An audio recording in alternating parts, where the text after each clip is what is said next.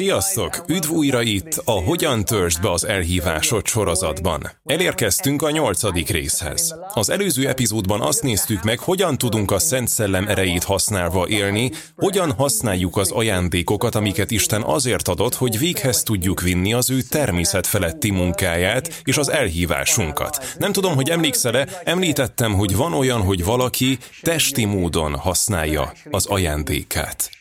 Meg kell tanulnunk megadni magunkat a Szent Szellemnek, hogy ne csak azt tegyük, amire Isten elhívott, de úgy is tegyük, ahogy arra elhívott, az ajándékokkal is, amiket adott. Olyan módon tegyük ezt, hogy nyilvánvaló legyen, hogy ezt nem mi tesszük, hanem ő, rajtunk keresztül. Adtam sok-sok gyakorlati tanácsot is. Hadd emlékeztesselek, ha neked megvan a bátorítás ajándéka, kérdezd meg Istent, Istenem, ki az, akit szeretnél, hogy bátorítsak? Mit szeretnél, hogy mondjak? Ha neked megvan az adakozás, nagy lelkűség ajándéka, kérdezd Istent, kinek szeretnéd, hogy adakozzak? Mennyit szeretnél, hogy adjak? Ugyanis ha engedjük, hogy a Szent Szellem vezessen, meg fogjuk látni a csodálatos erejét működni az életünkön keresztül.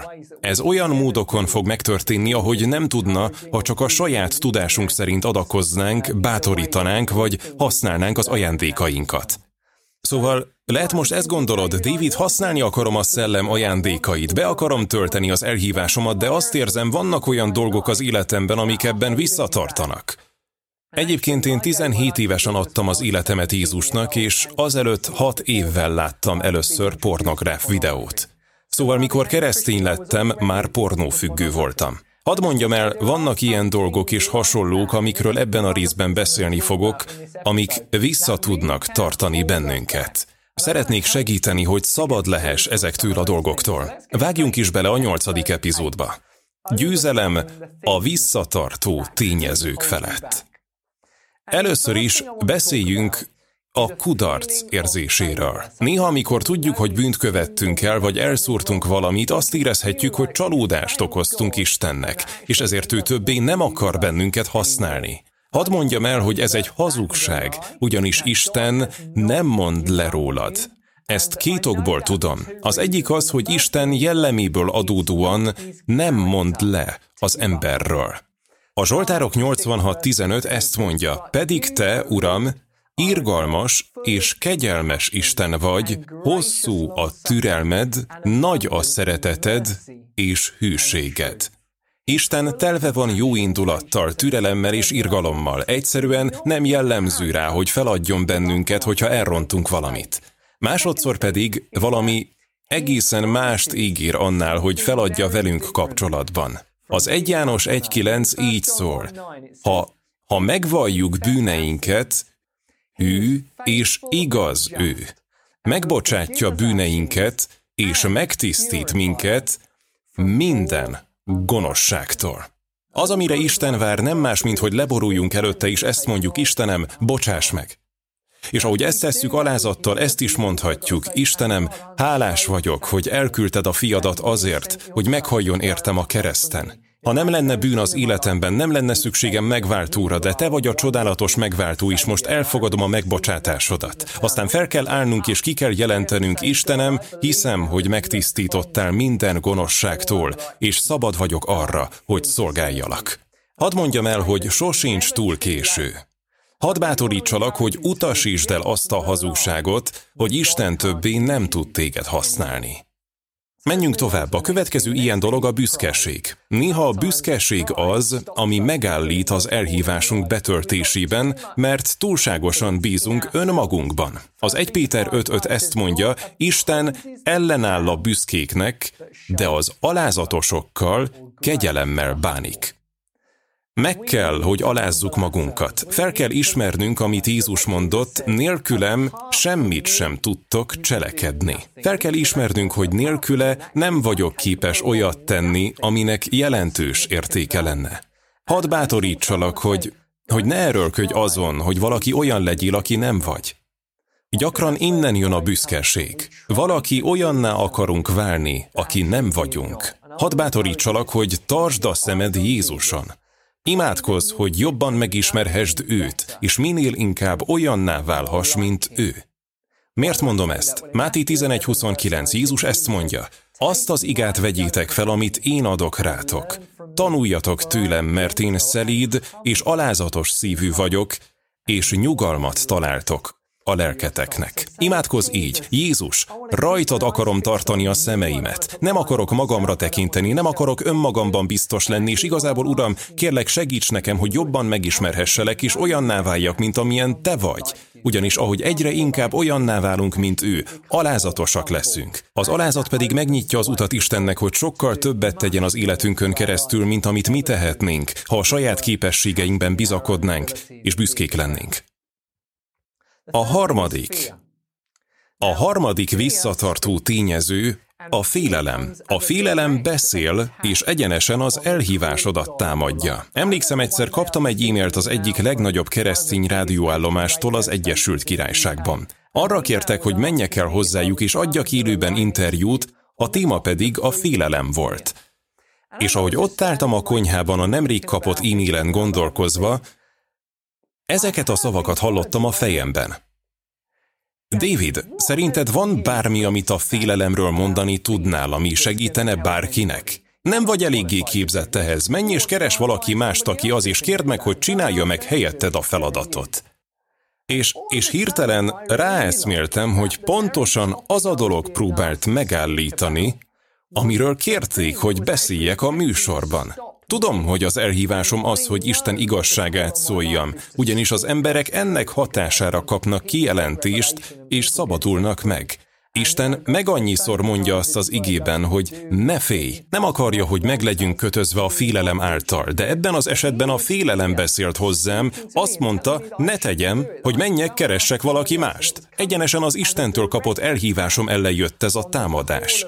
Megfutamodhattam volna is, elfuthattam volna, vagy valaki másnak adhattam volna a lehetőséget, de Isten azt szerette volna, hogy hitben előrelépjek. Azelőtt pár hónappal adott Isten egy igét nekem, a Józsui első fejezetének ötödik és hatodik verseit. Így szólnak. Amiképpen Múzessel vele voltam, te veled is veled leszek. El nem hagylak téged, sem el nem maradok tőled. Légy bátor és erős.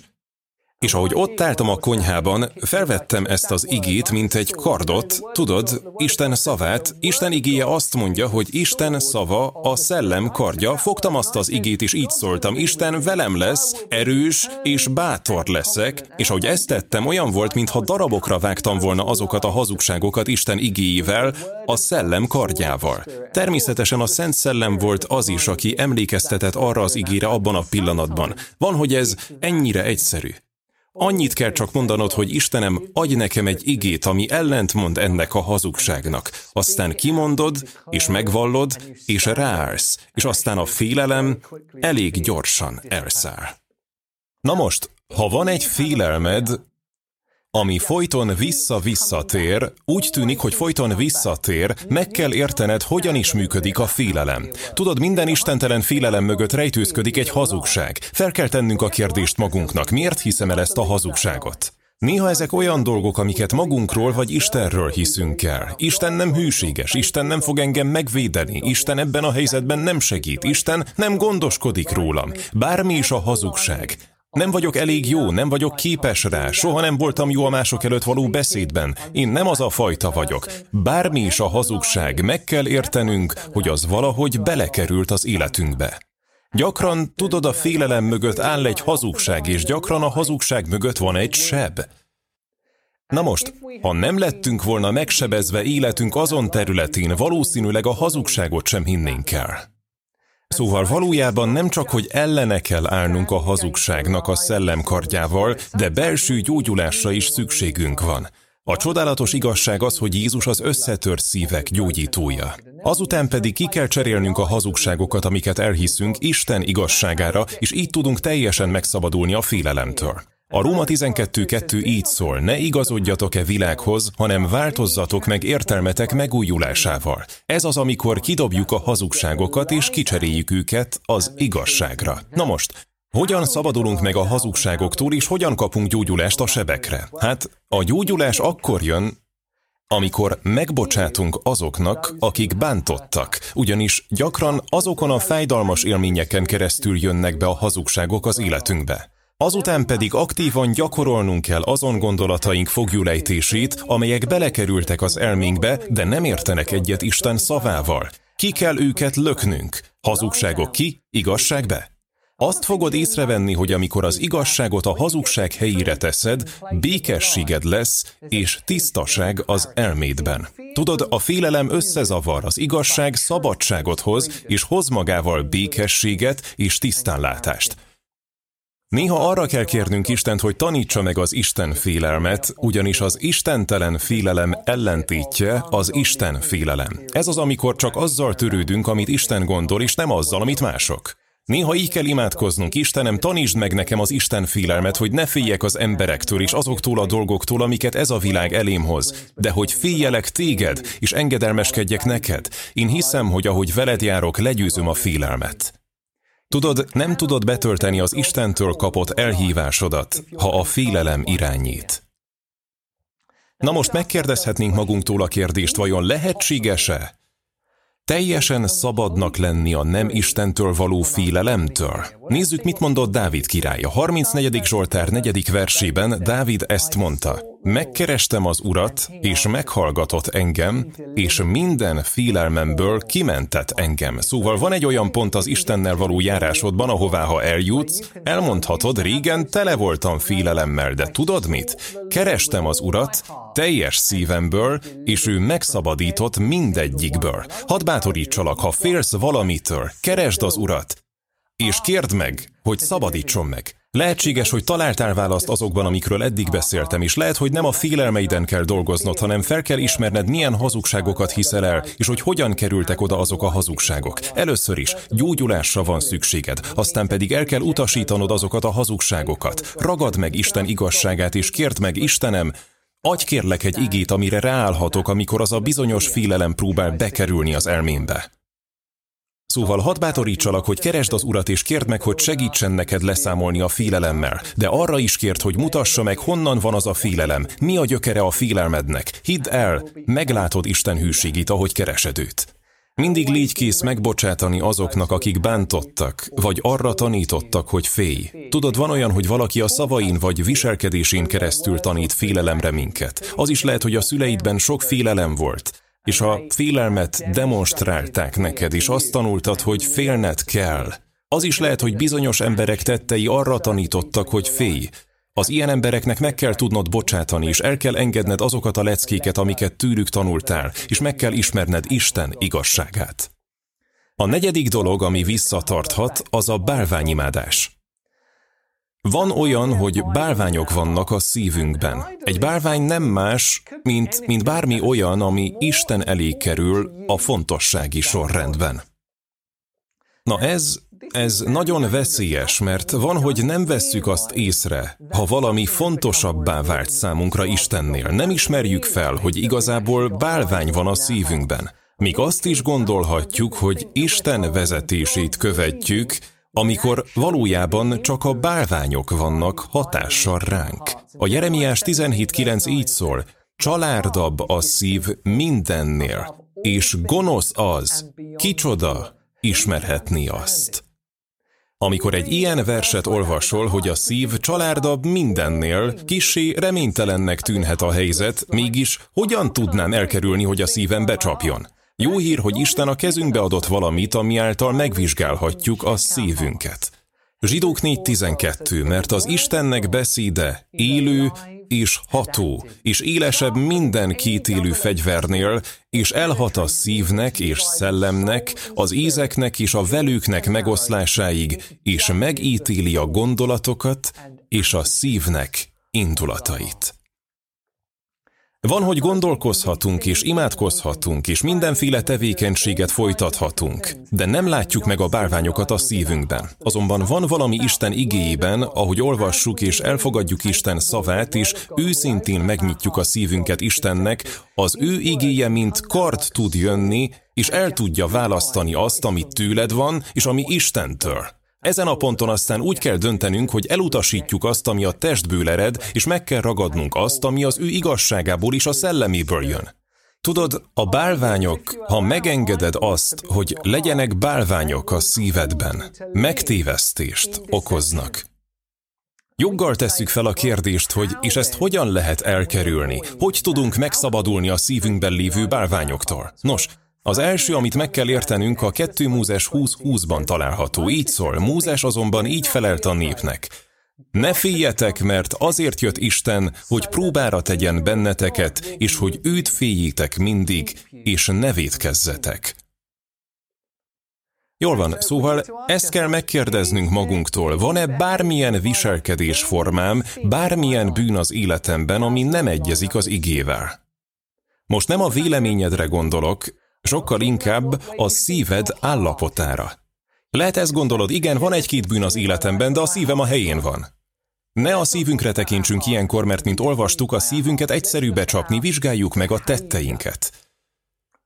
Néha azt gondoljuk, hogy mindent jól teszünk Isten előtt, de a helyzet az, hogy nem így vizsgáljuk meg helyesen, hogy jók-e a cselekedeteink Isten előtt, vagy sem, ugyanis a Máté 7.20-21-ben Jézus a legnagyobb megtévesztésről beszél. Ezt mondja pontosan. Tehát gyümölcseikről ismeritek meg őket. Nem mindenki megy be a mennyek országába, aki ezt mondja nekem. Uram, Uram, hanem csak az, aki cselekszi az én mennyei atyám akaratát. Látod ezt? Ezek olyan emberek, akik azt gondolják, valóságosan meg vannak térve, ugyanis Jézust teljes szívükkel uruknak nevezik, de valójában a szívük be van csapva. Jézus azt mondja, hogy ők nem mennek be a mennybe. Sőt, még azt is mondja, sohasem ismertelek titeket. Látod? Valamilyen oknál fogva Jézus nem volt az uruk, de az egyetlen dolog, ami ezt bebizonyította, a tetteik voltak. Nem a véleményük, nem az, amiben hittek, nem az volt, amit gondoltak, még csak az sem volt, amit mondtak. A cselekedeteik mutatták ezt meg. Na most, ha oda mennél egy ilyen emberhez is megkérdeznéd, Jézus Krisztus úr az életedben? Egyértelműen azt mondanák, hogy persze. Magunknak is fel kell tennünk a kérdést, van-e olyan terület az életemben, ahol nem Isten szavának engedelmeskedve élek, Isten szava nem önérdekű, de pártatlan, elfogulatlan. Kell, hogy legyen valami az életemben, amit jobban félek, mint őt. Kell valaminek lenni az életemben, ami fontosabb számomra, mint ő, ugyanis az Isten félelem távol tartana a bűntől. Sok keresztényel beszéltem már, akik azt gondolják, Isten szólt hozzájuk, és ahhoz mérten cselekedtek, amiről azt gondolják, Isten mondta nekik, de amikor meghallgatom a történetüket, és látom a gyümölcsöt az életükben, és Isten szavához mérem őket, valahogy azok nem férnek össze, valami nem stimmel. A bálványimádás és a saját szíved által való becsapás nagyon veszélyes dolgok. Megpróbálom ezt elmagyarázni röviden. Az igében végigolvasunk arról, hogy a bálványok nem beszélnek. Tudod, a bálványokat emberi kezek csinálják, és a mi Istenünk beszél, azonban ők nem. A 135-ös Zsoltár egy példa erre. Ezt írja, a pogányok bálványai ezüstből is aranyból vannak, emberi kész csinálmányai. Van szájuk, de nem beszélnek, van szemük, de nem látnak. Aztán, amikor az Akariás tizedik fejezetének második verséhez érünk, ezt olvassuk. Így szól, mert a bálványok hazugságot szólnak, a varázslók pedig hamisságot látnak, és üres álmokat beszélnek, hiába valósággal vigasztalnak, azért elszílednek, mint a júnyáj, amely sanyarog, mert nincs pásztora. Szóval valahogy a bálványok beszélnek, és megtévesztően beszélnek, becsapják az embereket. Szeretném, hogy tudd, hogy az én tapasztalataim azt mutatják, hogy a szív bálványai beszélnek. Nem a fából készült bálványok, de a szív bálványai beszélnek. Valamint fontos, hogy figyeljünk oda arra, amit az Ezékiel 14.4 mond. Így szól. Ezért beszélj velük, és ezt mond nekik. Így szól az én uram az Úr. Ha valaki Izrael házából úgy megy a profétához, hogy a szívébe fogadja bálványait, és azon jár az esze, ami bűnbe viszi őt, annak én, az Úr fogok válaszolni a sok bálvány miatt. Úgy tűnik Isten Isten itt bálványimádásuk szerint szólt az emberekhez, és úgy tűnik ez volt a büntetése számukra a bálványimádásban való engedetlenségükért. Ezek az emberek azt gondolták, hogy egy profétától kaptak üzenetet is, hogy ez volt Isten szava számukra, de valójában a szívükben lévő bálványok késztették Istent arra, hogy mondjon nekik valamit, ami egyébként nem az volt, amit ő mondott volna, ha a szívükben nem lettek volna azok a bálványok. Ez minden, amit mondani tudok. Vizsgáld meg a szíved. Ne engedj bálványokat a szívedbe. Ne engedd, hogy bármi a szívedben lehessen, ami fontosabb lenne az Úrnál. Tudod, azok a bálványok, amelyeket a legnehezebb felismerni, azok, amelyeket én csak a keresztény bálványoknak nevezek.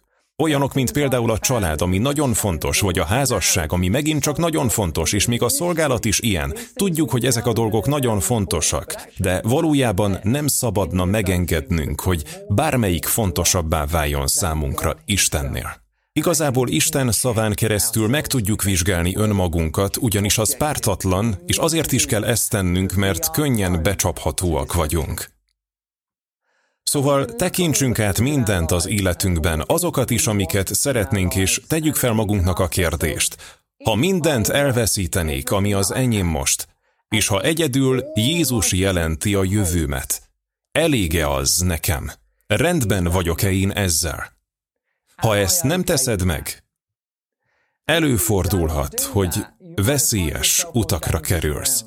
Azt gondolom, hogy a 62-es Zsoltár hatodik verse egy csodálatos bátorítás ennél a témánál. Így szól.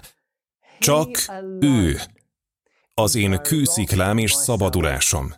Ő az én oltalmam, azért nem rendülök meg.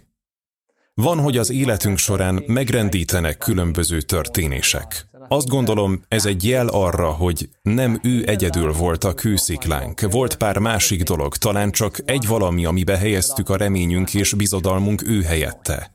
Arra akarlak bátorítani, hogy tedd őt a kőszikláddá, ugyanis az 1 János 5.21 ezt mondja, gyermekeim, őrizkedjetek a bálványoktól. Valójában Jézus a jó pásztor, szeretne a mi személyes pásztorunk lenni. Ezt olvassuk az igében. Az Úr az én pásztorom, nem szűkölködöm. Ha tényleg ő a főnök, ha tényleg ő vezet, semmi sem hiányozhat az életünkből.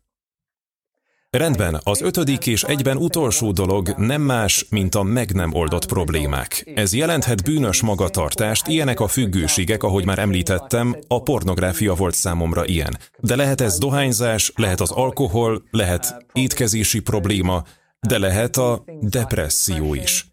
Nagy többségében ezek mind múltbéli fájdalmakban gyökerezhetnek. Lehet most ezt gondolod, de David, én azt hittem, Isten úgy szeret bennünket, ahogy vagyunk.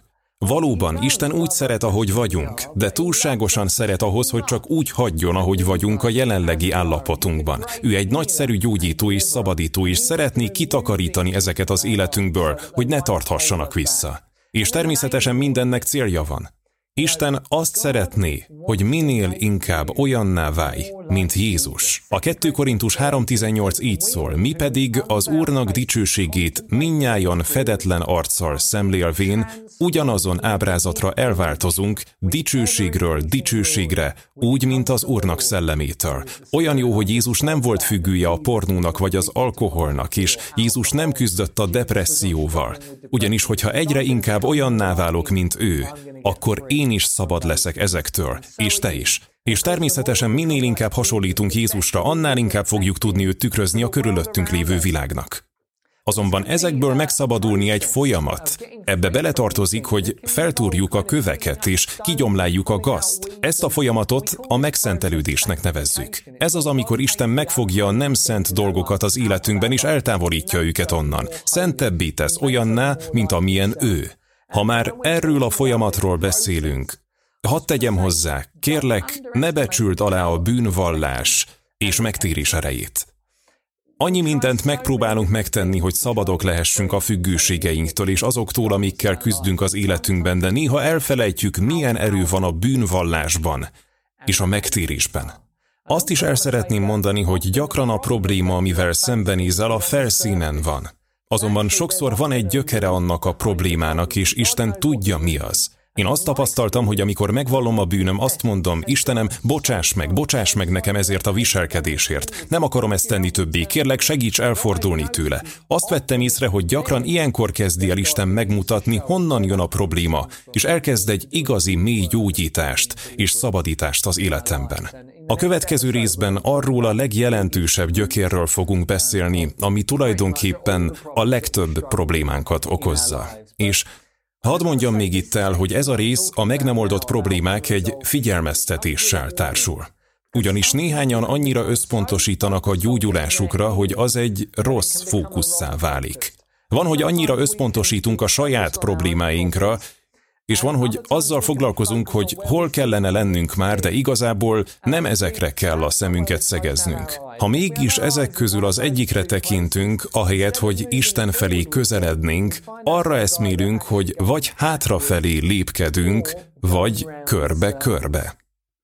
Na most, az ige beszél valamiről, amit úgy nevez a szellem megszentelő munkája. Az a 2 Péter elnézést 1 Péter első fejezetének második verse.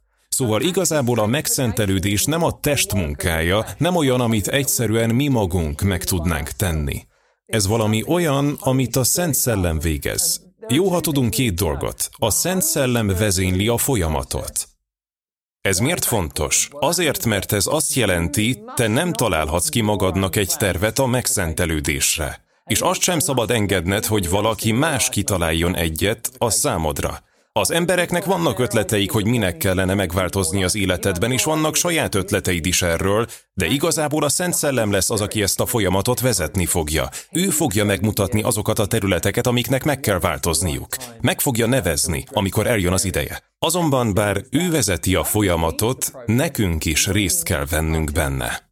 A 2 Korintus 7.1 így szól, mivel hogy azért ilyen ígéreteink vannak, szeretteim, tisztítsuk meg magunkat minden testi és szellemi tisztátalanságtól, Isten félelmiben vivén véghez a mi megszentelődésünket. Szóval bármikor, ha Isten rámutat valamire az életünkben, ezt kell mondanunk. Istenem, úgy döntök, hogy megtisztítom magam. Szeretném, ha ez az életemből kikerülne. Így válaszolunk az ő vezetésére, és az egy János 3.3 ezt mondja, mindenki, aki reménykedik abban, hogy meglátja őt, tiszt tisztán tartja magát a bűntől, ahogyan Krisztus maga is tiszta. Szóval nem csak ülünk és ezt mondjuk, oké Istenem, akkor kérlek tisztíts meg. Nem, ő vezeti a folyamatot, meggyőz bennünket, de aztán válaszolnunk kell.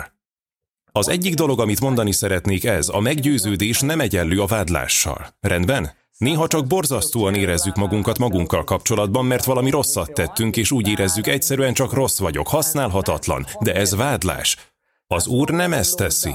A vádlás gyakran nagyon általános, és csak általánosan rosszul érzed magad tőle. De a meggyőződés, konkrét, azaz amikor Isten rámutat valami konkrétra az életedben, és a te feladatod az, hogy megvolt bűnként, és megtérj, aztán pedig keresd az urat. Lehet, hogy aztán elkezdi megmutatni a problémák gyökereit az életedben, és valószínűleg azt fogod érezni, hogy vezetni fog arra, hogy bocsáss meg embereknek. Erről többet fogunk beszélni a következő epizódban. De a fókuszunk Jézus kell, hogy legyen. Szóval ahelyett, hogy a problémáinkra összpontosítunk, vagy arra, hogy hol kellene tartanunk, fontos, hogy Jézuson tartsuk a szemünk. Ezt mondja a Biblia. Jézuson tartjuk a szemünket. És aztán minden reggel felébredünk, és így imádkozunk, Istenem, mit szeretnél mondani ma nekem? Aztán meghallgatjuk.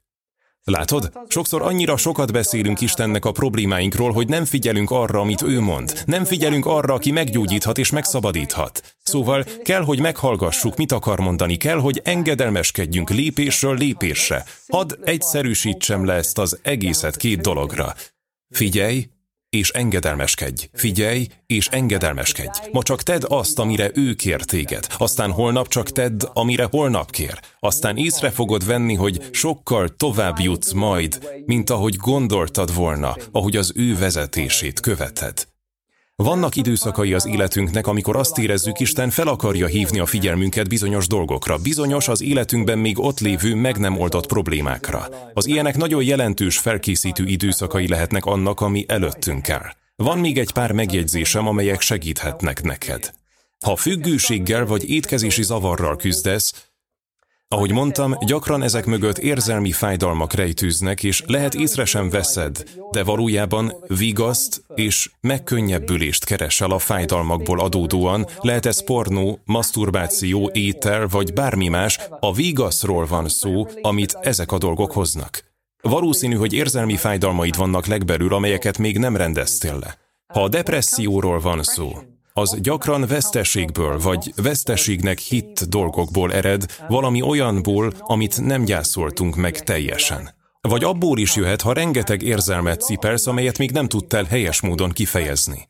Tudod, az Istennel való kapcsolatunkban ki kellene tudnunk fejezni az érzelmeinket, és meg kell tudnunk vele osztani azt, ahogy érezzük magunkat. Azonban van, hogy csak hagyjuk felgyülemleni azokat, és nem öntjük ki őket Istennek. Ez két kulcsa a depresszióból való felszabadulásnak.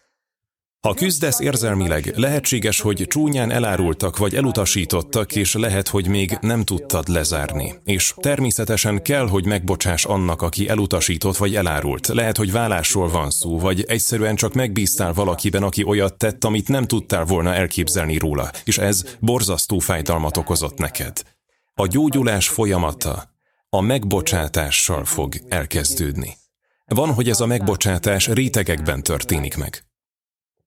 Hogyha öngyilkossági gondolataid vannak, az öngyilkossági gondolatok nem csak úgy a semmiből jönnek, gyakran elutasítottsággal kezdődnek. Amikor valakit elutasítanak, gyakran önelutasításba kezd, és önmagát kezdi el elutasítani. És ha ismételten elutasítják, és önmagát is milyen elutasítja, ennek az eredménye az önutálat. Amint az önutálathoz érsz, természetesen nagyon egyszerű azt gondolni, valószínűleg jobb lenne, ha nem is lennék a Földön, és akkor jönnek az öngyilkossági gondolatok. Szóval emlékezz mindig, hogy a probléma, mivel ma nézel szembe, lehet, hogy nem a problémát gyökere. És ahogy Istenre figyelsz, meg fogja mutatni, hogyan szabadulj meg a meg nem oldott problémáktól az életedben.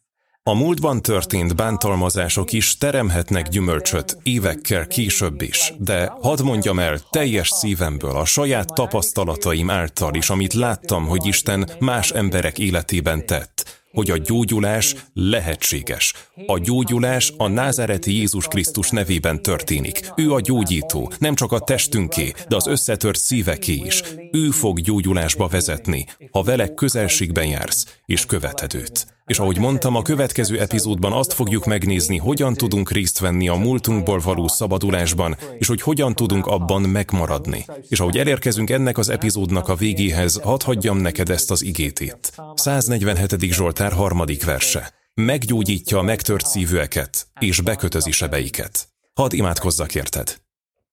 Atyám, köszönöm neked, hogy nem csak, hogy megmentesz bennünket, de meggyógyítasz és megszabadítasz minket. Köszönöm neked, hogyha most felhozod a hallgatók életében levő problémákat. Az azért van, mert van számukra célod, és meg akarod oldani a meg nem oldott problémákat, hogy be tudják tölteni az életükön lévő elhívásokat. Imádkozom, hogy lágyítsd meg azokat a szíveket, amelyek esetleg megkeményedtek, különösen azokat, amelyeket mások megbántottak, és azért imádkozom, Uram, hogy mutasd meg a problémák gyökereit, és vezess mindannyiunkat a szabadságban. Köszönjük, hogy ami lehetetlen az embernek, az lehetséges Istennel. Imádkozom, hogy készíts fel bennünket a kilencedik epizódra. Uram, hogy készíts fel bennünket mindenre, amit tanulni fogunk arról, ami a gyógyulás és szabadulás legnagyobb kulcsa. Taníts bennünket a te szavadból, kérlek, használd a te igazságodat, hogy meggyógyíts és megszabadíts. Jézus nevében. Ámen. Találkozunk a kilencedik epizódban.